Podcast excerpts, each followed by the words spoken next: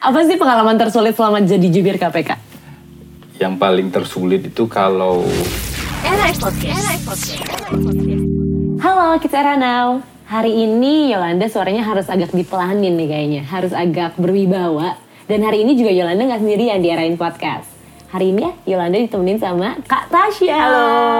Kak Tasya hari ini temenin aku ya. Oke boleh siap. Kita main-main ke gedung KPK yang Oke. merah putih yang bagus itu kak dari luar. Iya bagus banget emang sih. Iya. Nah, kalau misalnya berdua doang, cewek-cewek aja kan gak seru. Ini ada satu orang cowok yang amat sangat sering dimintai foto di jalan katanya. Sampai-sampai kalau dari artikel ya, aku lihat ada yang jealous gitu di jalan kalau misalnya dimintain foto, eh malah gandengannya yang minta disuruh fotoin. ada siapa di sini? Sekarang kita uh, Yolanda, Kak Tasya, tim era.id udah ditemenin sama Mas Febri. Febri Diansyah, juru bicara dari KPK. Febri Spasi Diansyah. Ya, ya. Banyak yang Karena banyak yang ngegabung banyak ya. yang menggabung. Sebenarnya- Dulu karena alamat Twitternya begitu, Febri Diansyah gitu. Dulu ya. Kalau sekarang alamat Twitternya emang dipisah. Eh, sekarang Underscore. sekarang saya tidak mengelola Twitter. karena Twitter yang dikelola secara resmi itu adalah KPK underscore RI. Wah, iya iya betul. Udah fokusnya di situ sekarang. Apa pun kata-kata yang dikeluarkan untuk KPK underscore RI. Apa kabar Mas Febri? Kabar baik secara pribadi, alhamdulillah. Kalau secara pribadi baik, yang secara lainnya yang mana emangnya Mas? ya kalau kita menyebut secara kelembagaan atau dalam skala yang lebih luas, mungkin terlalu cepat kalau kita bilang kondisi sedang baik-baik saja. Oke. Apalagi pasca revisi ini dan kita tahu ada lima orang ya, ada lima orang pelajar dan mahasiswa yang meninggal pada saat betul. aksi demonstrasi gitu ya. Sebenarnya itu kan isu aksi demonstrasi tentang penegakan hukum dan pemberantasan korupsi sebenarnya. Jadi tidak tepat kalau kita bilang kondisi pemberantasan korupsi sedang baik-baik saja. Mungkin ya, Iya. tapi bisa saja pihak lain bisa berbeda pendapat. Yang penting kita berusaha untuk baik-baik usahanya. berikhtiar untuk uh, sebaik-baiknya gitu ya. Termasuk ini diskusi kali ini itu kan upaya kita untuk berbuat sebaik-baik. Siapa tahu nanti yang mendengar jadi terinspirasi untuk terlibat langsung dalam isu anti korupsi di mana pun bekerja. Betul. Atau misalnya nanti pengen juga ngegantiin atau jadi regenerasinya Bang Febri? Dengan senang hati Juru kalau bisa secepat mungkin. Oh pengen mau diganti apa mas? aduh. Udah Bukan. udah lelah banget kayaknya. Semuanya sebenarnya mungkin agak lelah dalam kondisi akhir-akhir Oh ini iya sih ya. benar. Tapi bukan soal itu. Upaya pemberantasan korupsi itu kan butuh kontribusi yang sama kuatnya ya. KPK, jurnalis, masyarakat sebagai korban dari korupsi dan juga instansi pemerintah pusat ataupun daerah. Nah nggak mungkin kita bicara memperbaiki sistem mencegah korupsi kalau instansi pemerintahnya setengah hati. Iya. Karena di daerah seperti itu. Di depan KPK bilang anti korupsi, di belakang terima suap. Wow. Nah itu itu nggak boleh. Iya. Mestinya kan semangatnya harus sama. Depan belakang ya. Ya depan belakang di delapan penjuru mata angin. Tapi kan sekarang ini Mas Febri kan masih menjadi juru bicara KPK. Berarti udah kerja dari KPK kan udah, udah dari 2016 juga kan ya Mas? Saya masuk KPK itu 2013 ya. Wah. 2013 masuk KPK. Kemudian kita kan punya program induksi begitu ya sekitar dua bulan di Batu Jajar waktu itu. Tugas efektif saya ingat saya itu di akhir tahun 2013 itu. Nah, tapi saya waktu itu di Kedeputian Bidang Pencegahan di Direktorat Gratifikasi KPK. Oke, Baru berarti 2016 di Biro Humas. jubirnya. Oh, tapi berarti udah lama kan ya, udah enam tahun bisa dibilang bekerja untuk KPK. Kalau dari aspek waktu enam tahun ya, Mhm. tapi kalau dari aspek rasanya melewati waktu itu mungkin jauh lebih eh, lama Lebih lama rasanya. lagi ya. kan? Satu hari di sini mungkin rasanya Bertahun-tahun. itu berlebihan. Pertanyaannya itu gini mas, enak gak sih mas kerja di KPK khususnya jadi seorang juru bicara KPK yang disorot pasti setiap harinya? Ketika seorang pegawai KPK atau sebelum jadi pegawai KPK ia melamar di KPK, Mhm. masuk dalam program Indonesia memanggil, di sana sudah ada yang namanya keterpanggilan eh, pribadi gitu untuk berkontribusi dalam pemberantasan korupsi. Jadi kita nggak bicara lagi soal enak atau tidak enak, tapi bicara tentang misalnya apa yang bisa saya kontribusikan ketika saya bekerja di KPK. Meskipun kontribusi untuk anti korupsi kan bukan hanya eh, di KPK saja yang bisa dilakukan, di banyak instansi juga bisa.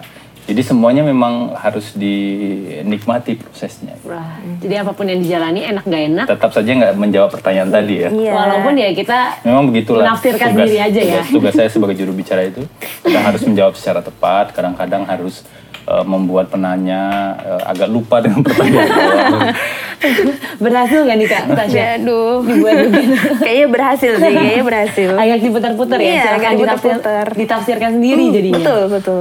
Tapi kalau misalnya 2013 itu baru aktif di KPK, sebelum itu Mas Febri kerjanya di mana Mas? Kalau boleh tahu, boleh. Sejak Agustus 2007, saya selesai di Fakultas Hukum UGM. Kemudian masuk ke Indonesia Corruption Watch sebagai peneliti di sana. Sejak itu sampai dengan sekitar saya resign dari ICW itu Oktober 2013, kemudian masuk KPK November 2013. Oh, Jadi sekitar ya. enam tahun ya, Iya. sekitar enam tahun saya aktif di ICW. ICW. Terakhir saya di divisi investigasi, sebelumnya di divisi hukum dan monitoring. Tapi lebih banyak di divisi hukum. Lebih dan berat monitoring mana? peradilan. Lebih berat mana Mas? Sama beratnya, kadang-kadang sama ringanan juga. kadang. Memang tidak maksudnya lebih lebih berat di ICW atau di KPK maksudnya. Iya. Beda ya karakteristiknya. Ah. Kalau di KPK kita misalnya di pencegahan, Hmm. beban tanggung jawabnya beda-beda lagi. Bagaimana membuat pengendalian gratifikasi Hmm. di satu sisi, tapi bagaimana melakukan investigasi di sisi lain ketika ada pelaporan dan ada yang janggal di Iya. laporan itu atau ada penerima yang nggak lapor, Hmm. itu kan beda-beda tantangannya gitu ya. Tapi di di, di lembaga negara tentu saja ada sejumlah kelebihan ya. Eh, misalnya ketika ada persoalan secara hukum ada biro hukum yang menangani atau ketika ada hambatan-hambatan lain ada Banyak backup kelembagaan lagi ya. yang juga eh, kalau di ICW apalagi di daerah ya teman-teman aktivis anti korupsi daerah mungkin jauh lebih rentan ya.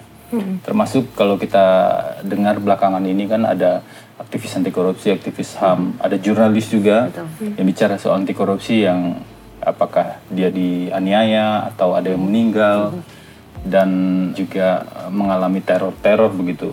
Lebih jauh lebih rentan mereka sebenarnya. Jadi kalau bicara lebih berat dari aspek itu mungkin saja bisa kita katakan bekerja untuk isu anti korupsi di luar lembaga negara itu tantangannya jauh lebih besar. gitu.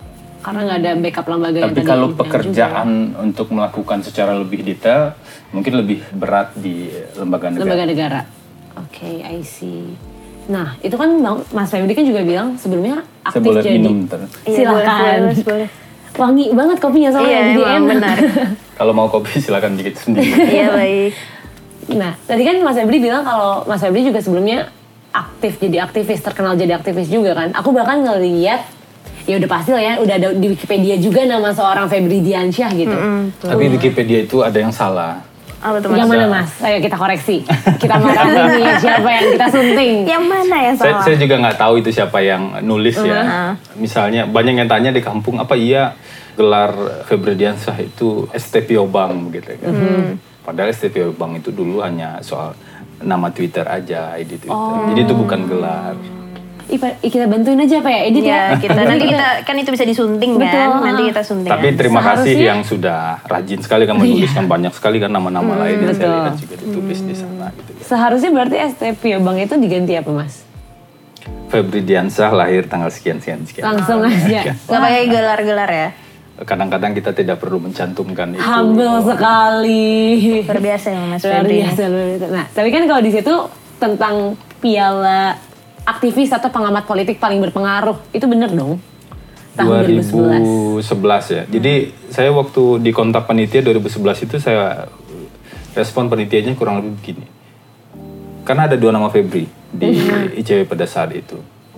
Kemudian dia bilang, iya Febri yang lahir di Padang. Ada dua orang Febri yang lahir di Padang juga gitu kan. Pas-pasan banget. Yang pakai kacamata begitu kan. Nah, Dan kedua-duanya juga pakai kacamata gitu kan. Ini buatan ya Mas ya? jadi jadi jadi saya, saya pikir mungkin anda salah orang gitu kan dari 2011 itu. Tapi setelah dijelaskan enggak ini kita menilai berdasarkan intensitas publikasi di pemberitaan media. Misalnya untuk isu-isu tertentu waktu itu yang agak heboh adalah isu wisma atlet ya.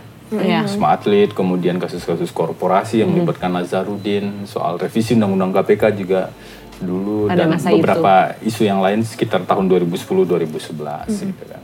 Ya sudah saya datang dan ada beberapa orang waktu itu yang juga dapat penghargaan eh, carta politika itu. Tapi berarti ini memang tidak dijawab dengan langsung lagi. Tapi kita tahu itu berarti benar memang Febri Diansyah yang ini yang kita temuin Iya, sekarang ya. benar. Menurut panitianya begitu. Tapi saya sudah sampaikan kalau oh, setelah penghargaan ini saya terima dan kemudian ada komplain dari Febri, Febri yang lain, gitu, silahkan ajukan ke panitia. Tapi pialanya dipajang nggak mas sekarang di rumah? Saya lupa di mana ya Iya. piagam itu. Tapi waktu itu sempat disimpan ya. Tapi saya coba cari lagi. Abis ini masuk ke Instagram gitu. Oh, pia, nemu piala yang lama nih. Iya, bisa, bisa. Jadi throwback. Udah 2011 kan. 2011 dan saya kira yang paling penting sebenarnya bukan isu soal penghargaan. Penghargaannya. Karena kontribusi publik untuk isu pemberantasan korupsi itu bisa melalui, melalui kajian, bisa melalui katakanlah pengawasan yang dilakukan oleh publik, bekerja bersama-sama dengan teman-teman media. Karena itu sikap kritis, analisis-analisis alternatif terhadap aturan hukum yang ada dan penanganan perkara itu jadi poin yang penting dalam konteks peran publiknya. Dan sebenarnya banyak teman-teman yang juga melakukan itu di luar sana agar seimbang gitu ya.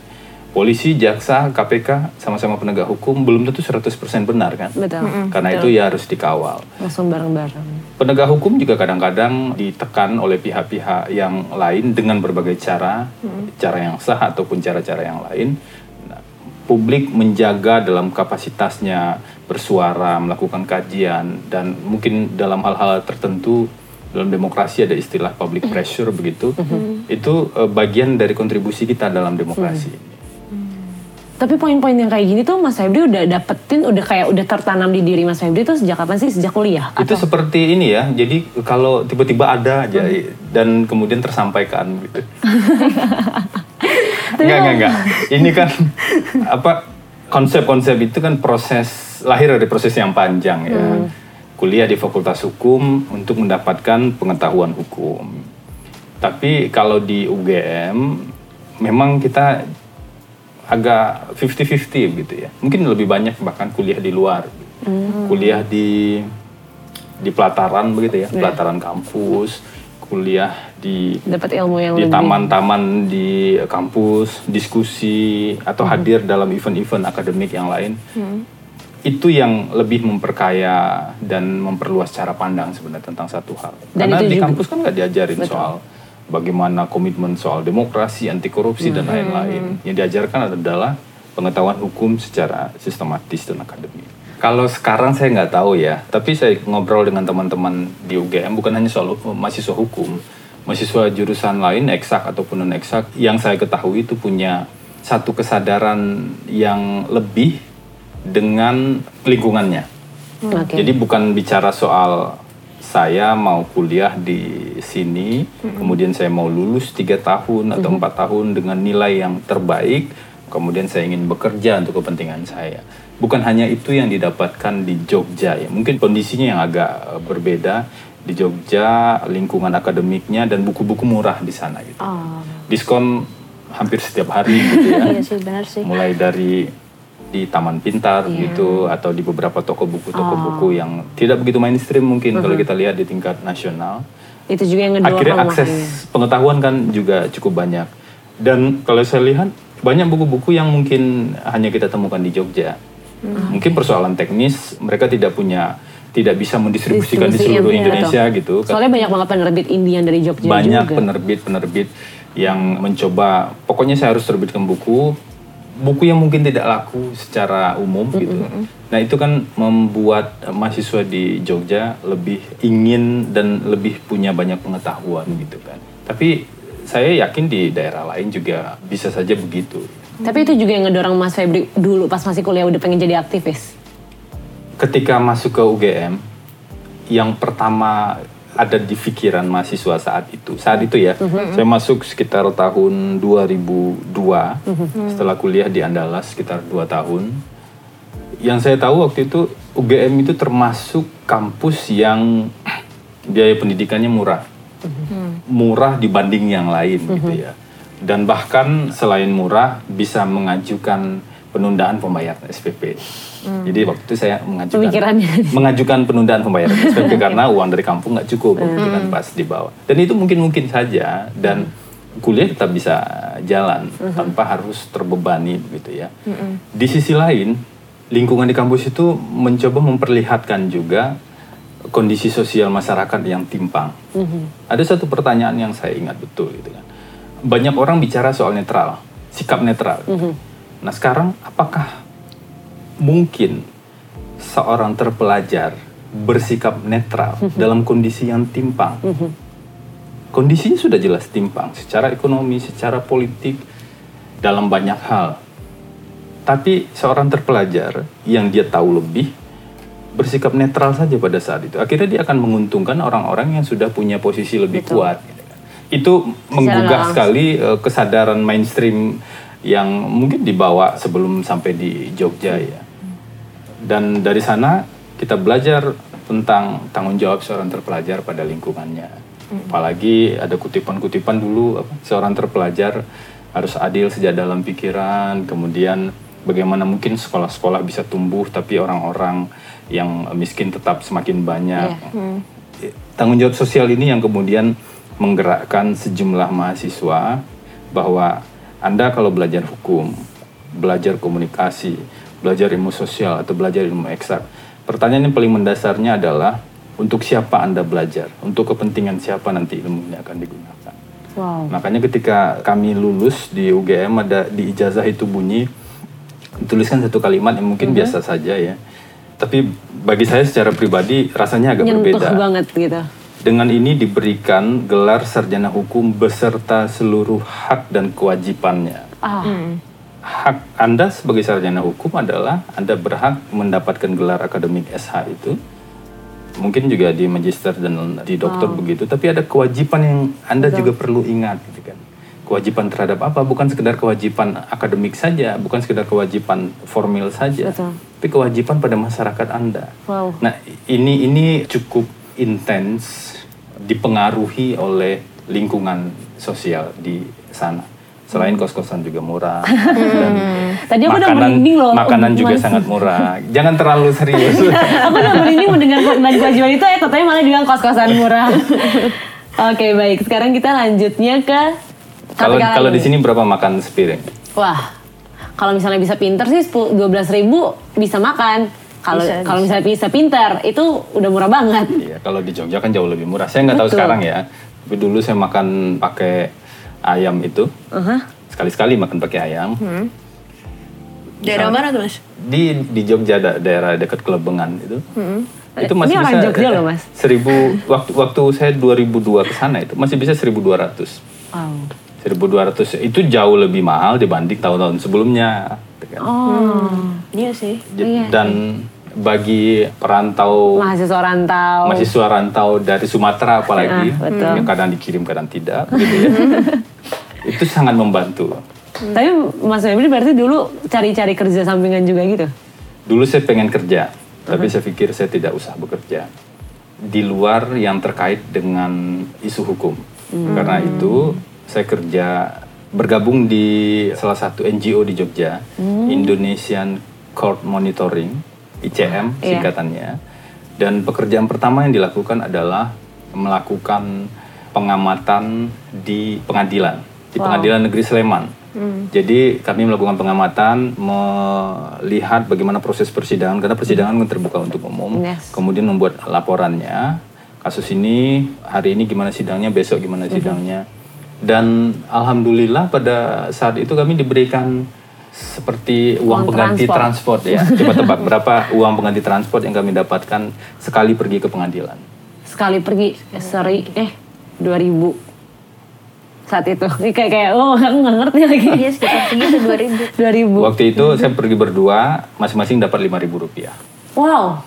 lima ribu rupiah bisa ya kalau beli bensin satu liter pada saat itu ya sisanya kan bisa dibagi dua Iya. tapi harus bikin ini ya bikin lima ribu masih bisa makan Rembers. sehari penuh kan. Iya makanya itu udah bisa buat sehari penuh bener. Angkringan bisa sih itu. Kalau agak sedikit makannya bisa nabung buat beli buku. gitu. Jadi kangen nggak mas masa-masa itu?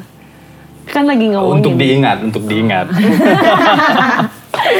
Tapi kan kalau sekarang kan mas udah jadi jubirnya. Awalnya tuh jadi jubir, kenapa sih mas? Ada kepikiran apa tiba-tiba? Gue harus nih jadi jubir KPK. Enggak, saya melamar ke KPK itu bukan mau jadi juru bicara. Jadinya mau jadi apa dulu? Satu-satunya ketertarikan saya masuk ke KPK adalah ingin jadi penyidik. Penyidik atau penyelidik? Penyidik. Penyidik. Penyidik. Penyidik. Karena waktu itu ada isu yang cukup besar ya waktu itu ketika Yang pengen banget kayak harus dibongkar. sejumlah bukan bukan bukan bukan terkait perkara. Oh, Ada sejumlah penyidik di KPK yang ditarik ke instansi asalnya padahal ia sedang menangani kasus besar. Jadi uh, ada isu soal misalnya cicak buaya yang pertama ya seingat saya pada saat itu. Dan pada saat itulah ada yang namanya penyidik independen pertama, penyidik KPK tepatnya. Tapi publik menyebutnya biasanya penyidik independen. Eh, Yang di luar polisi dan jaksa. Kemudian dikatakan bahwa KPK membutuhkan penyidik lebih banyak dan lain-lain untuk mendukung kerja KPK. Tahun depannya saya daftar, lalu tidak lulus. mengapa? Tahu nggak kira-kira kenapa alasannya? Pertama penyidik tidak dibuka Oh. karena penyidik yang bisa jadi penyidik di KPK di, pada at- aturan yang ada pada saat itu kalau sudah menjadi pegawai KPK sekitar dua tahun. Jadi jadi pegawai KPK dulu dua tahun kemudian tes lagi. Oke. Jadi penyidik. Akhirnya saya melamar yang deket-deket dengan penyidik itu penyelidik. Aha. Nah, ketika ngelamar jadi penyelidik sampai tahap akhir, artinya proses ujian kompetensi sudah selesai. Panjang banget tuh ya. Ya ada beberapa tahap gitu ya. Bolak-balik berapa kali tuh mas? Pokoknya panjang. gitu.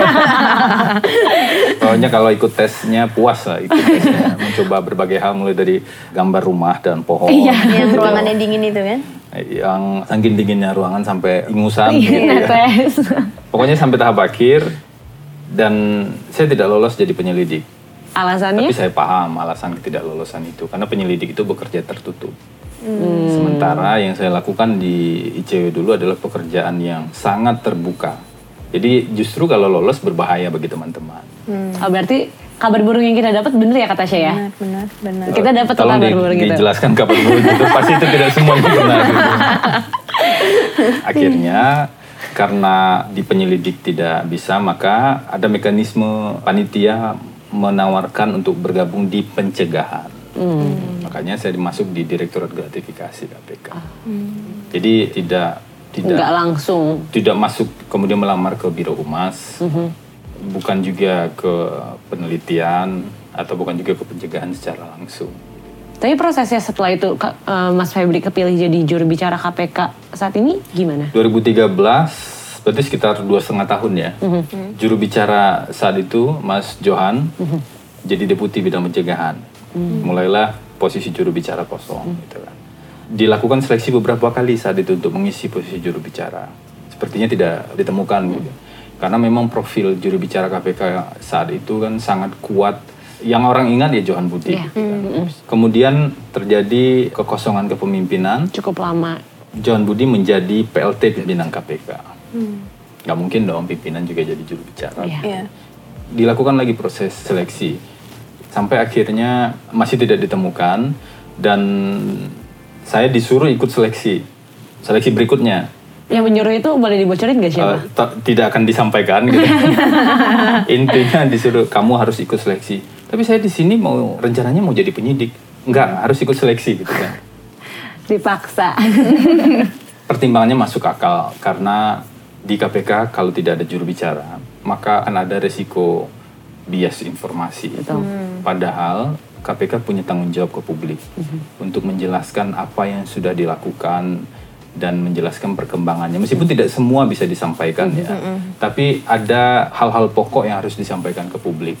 Dan tidak mungkin itu disampaikan orang per orang oleh pimpinan. Pimpinan kita ada lima. Kalau ada perbedaan informasi teknis yang disampaikan, Malah jadi justru masalah ini jadi lagi. eh, kelemahan. Jadi bagi bumerang KPK. ya. Bisa jadi digugat dan lain-lain gitu kan. Ya sudah saya daftar, tapi saya nggak janji lulus saya bilang kan, karena yang menentukan kan panitia.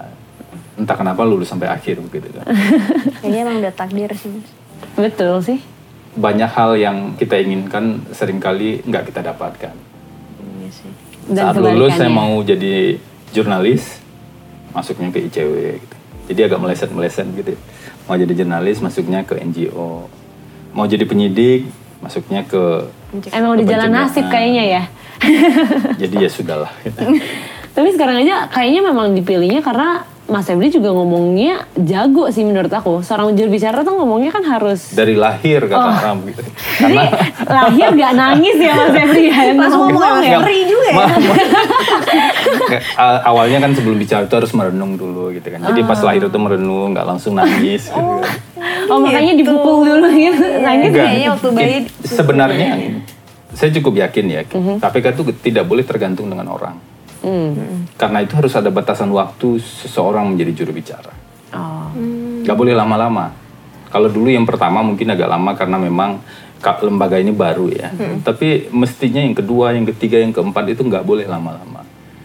Pertama, agar institusi tidak tergantung pada perorangan. Jadi kayak orang-orang nggak ingetnya tentang orang itu tapi ingetnya lembaganya gitu. Iya, dan yang kedua, agar ada proses kaderisasi juga.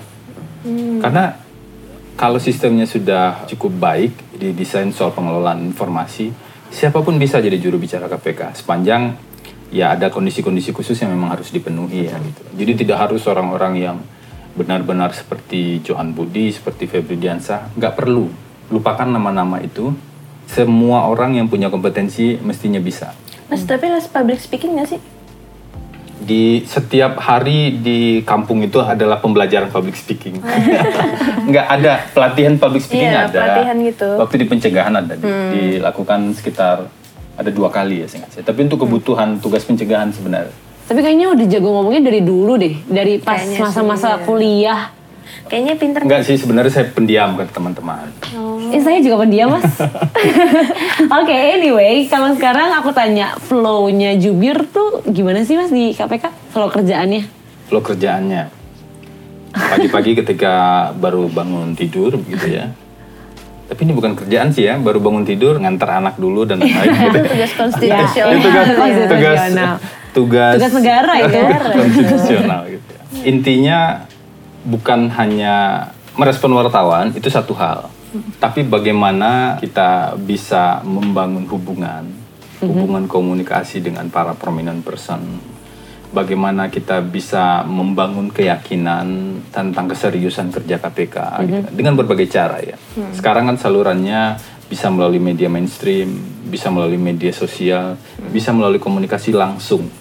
Komunikasi langsung itu maksudnya ketika ada tokoh-tokoh tertentu yang mungkin saja ragu dengan apa yang dijelaskan di publik Iya. karena ketika di publik dia dengar dari radio, dia lihat dari televisi atau dari pemberitaan-pemberitaan teks tidak mungkin semua yang dijelaskan itu kan Iya. bisa ditulis di sana atau dipublikasi. Maka perlu pendalaman. Kadang-kadang ini perlu dilakukan. Oh. Jadi tiga karakteristik itu yang dilakukan termasuk juga media sosial sekarang karena pikiran orang juga dipengaruhi oleh media sosial. Yes. Meskipun di media sosial ini kan problem yang cukup krusial adalah belum tentu manusia yang memegang dan bicara di sana. Iya sih. gitu. Betul. Itu juga jadi tantangan kita saya kira. Berarti Mas Febri sering ngobrol sama bapak-bapak anggota DPR tuh buat meluruskan gitu. Sering ketemu di acara-acara talkshow. tuh. Iya. Jadi bukan hanya acara di yang live begitu ya. Misalnya di Jeddah itu beberapa hal dijelaskan bagi yang masih mau dijelaskan. Itu menghadapi emosi-emosi itu gimana Mas? Press room KPK adalah tempat berlatih yang paling baik saya kira ya. iya sih bener. Bagi Anda yang punya pengalaman berada di press room KPK, eh, itu akan sangat berpengaruh dalam hidup Anda, baik sebagai jurnalis ataupun sebagai pegawai manusia. humas atau sebagai juru bicara. Oke. Itu tidak akan terlupakan. Silakan ditanya ke Tasya, Tasya punya pengalaman panjang. Mulai dari bagaimana melatih kesabaran, betul. menyampaikan informasi secara tepat, gitu kan. Runtun dan gitu. ya. dan lain-lain. Tapi kalau misalnya sebelum Mas bisa ngomong sesuatu ke jurnalis atau ke orang lain, data-datanya Mas ngumpulinnya apa mereka yang tiba-tiba langsung kasih semua ke Mas? Ada tim. Jadi di Biro Humas Mhm. itu ada dua bagian. Pertama bagian pemberitaan dan publikasi. Yang kedua bagian PIKP, ini soal informasi publik, termasuk media sosial ada di sana.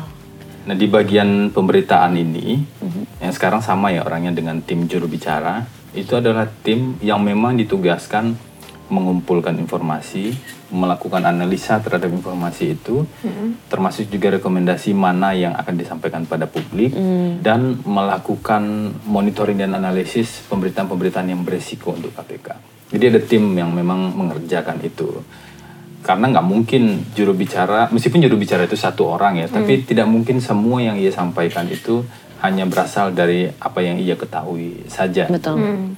Tinggal nanti yang perlu diputuskan. Kalau ada isu-isu yang sangat krusial terkait dengan kelembagaan atau harus merespon orang-orang yang high level begitu ya di jabatan di instansi-instansi negara itu disampaikan ke pimpinan agar suaranya sama dan juga pimpinan kadang-kadang menambahkan kadang-kadang ini jangan dulu Mengurangkan, iya. atau uh, memberikan approval dan sejenisnya seperti itu. I see. Tapi berarti Mas Febri nggak bisa cuti sama sekali dong ya? Siapa bilang tidak bisa cuti? Nah, jadi kalau bisa Cuti bisa, tapi jawab pertanyaan wartawan tetap harus. ya, Iya, harus. ya, kan hitungan- pertanyaannya bisa cuti atau betul tidak. juga Saya ya. bisa cuti. Hmm. Berarti nggak bisa pergi ke Kayak kemarin saya cuti, tapi ya tetap saja kalau Tasya ya saya harus jawab begitu kan. Kemarin nggak dibalas. Oh enggak ya, kemarin Nggak, dibalas langsung, langsung dijegat. Berarti nggak bisa pergi ke tempat yang nggak ada sinyal ya? Bisa, kalau pergi Bisa bisa. juga? Karena ada Nggak bisa lama-lama. ada mekanisme PLH namanya, pelaksana harian. Oh. Karena dibantunya prinsip sama- dasarnya tidak boleh tergantung pada orang. Iya, balik lagi ke yang tadi Mas Febri udah Ya, bilang. jadi PLH itu bisa dilaksanakan oleh kepala bagian yang ada. Hmm, I see. Berarti untung ruginya kalau kerja di KPK apa tuh Mas? Kayak kepositifan dan kenegatifan kalau enggak untuk diri sendiri. Suka duka. Suka duka. Suka duka. Itu nanyanya untuk rugi ya. Gitu ya. Kayak jualan deh. Kayak jualan jadi bener. Jalan ya? Kayak di pasar. Sebelum saya daftar sebagai juru bicara KPK, Mhm. saya tanya ke istri, kira-kira saya daftar atau enggak gitu kan. Hmm. Karena konsekuensi yang paling serius adalah soal waktu. Betul. Soal waktu ini artinya pasti akan mengorbankan waktu bersama keluarga. Kalau dilihat dari sisi jarangnya bisa berinteraksi dengan keluarga, pasti itu nggak enak dong. Makanya saya Sering upayakan pagi, jadinya. pagi itu nganter, nganter anak, anak-anak kan sekolah setengah tujuh, yang dua SD dan satu TK.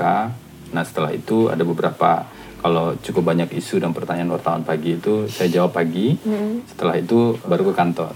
Kecuali ada rapat pagi. Oke. Tapi pulangnya tentu nggak agak sulit untuk bisa pulang cepat. gitu. Iya. Jadinya Apalagi apa ya yang- dukanya itu sering kangen sama keluarga. kalau kangen tuh setiap hari ketemu Setiap atau nggak saat ketemu kan harus kangen. Gitu. Iya. Terus kalau sukanya apa masih ada nih duka-duka yang lain kecuali Kalau keluarga? sukanya pasti banyak ya. Orang sebaik-baiknya manusia adalah manusia yang bisa bermanfaat bagi banyak orang. Yes. Kita hidup kan bukan cuma buat diri sendiri kan. Apa pun ya yang dilakukan, ketika bisa berbagi, ketika bisa berkontribusi, itu jadi poin yang sangat krusial.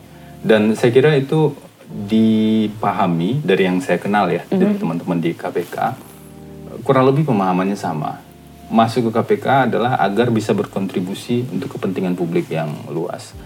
Sehingga ada juga pertanyaan, lalu kalau di KPK kamu sudah tidak bisa berkontribusi untuk kepentingan publik, mau ngapain? Pertanyaan itu tidak bisa dijawab. Kirain ada jawabannya di sini. Tapi intinya begitu ya. Ada orang yang mungkin saja susah dan tidak punya jalan untuk berkontribusi bermanfaat bagi masyarakat banyak. Tapi kita diberikan kesempatan. Bekerja di KPK ini maksud saya bukan hanya jadi pegawai KPK atau pimpinan KPK, tetapi bekerja untuk isu anti korupsi.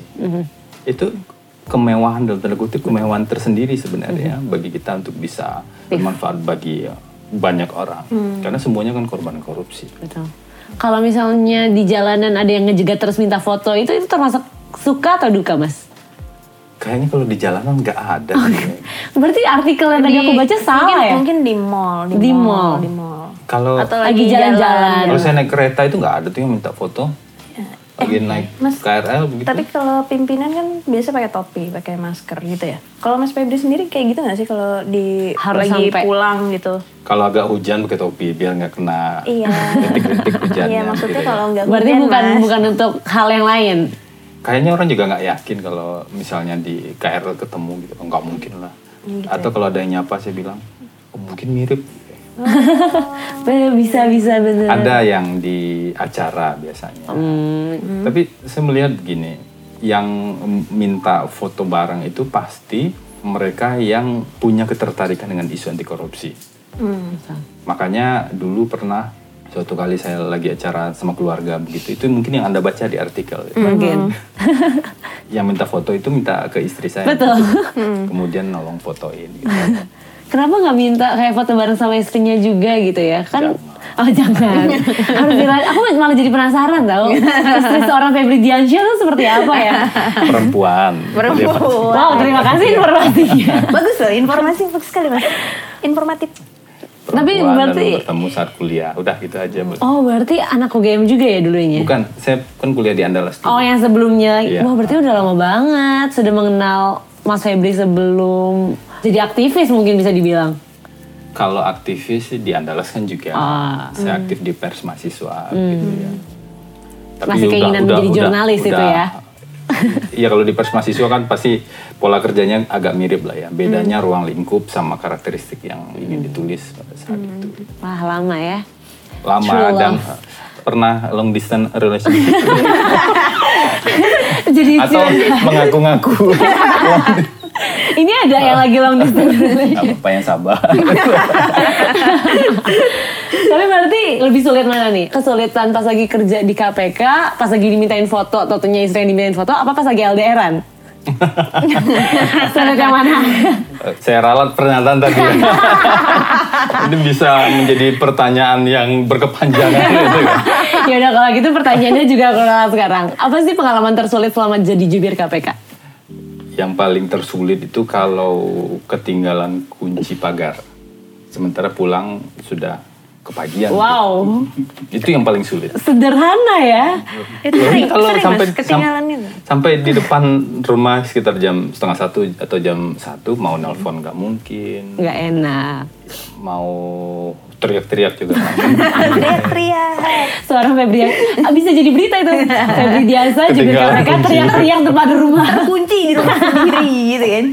Nah, itu, Jadi- itu situasi yang paling sulit. Tapi kalau misalnya kekunci gitu, Mas Febri jadinya gimana? Ya waktu itu karena ini mungkin kami karena terhubung ya, Oh, jadi terhubung. batinnya terhubung. Tiba-tiba, tiba-tiba istri saya terbangun dan ternyata oh, ada di luar. Gak jadi tidur di pagar. Gak jadi ya benar, gak jadi. Tapi kalau di dunia kerjaan, bukan di dunia dengan personal, tapi ruang lingkup profesional, pengalaman tersulitnya apa?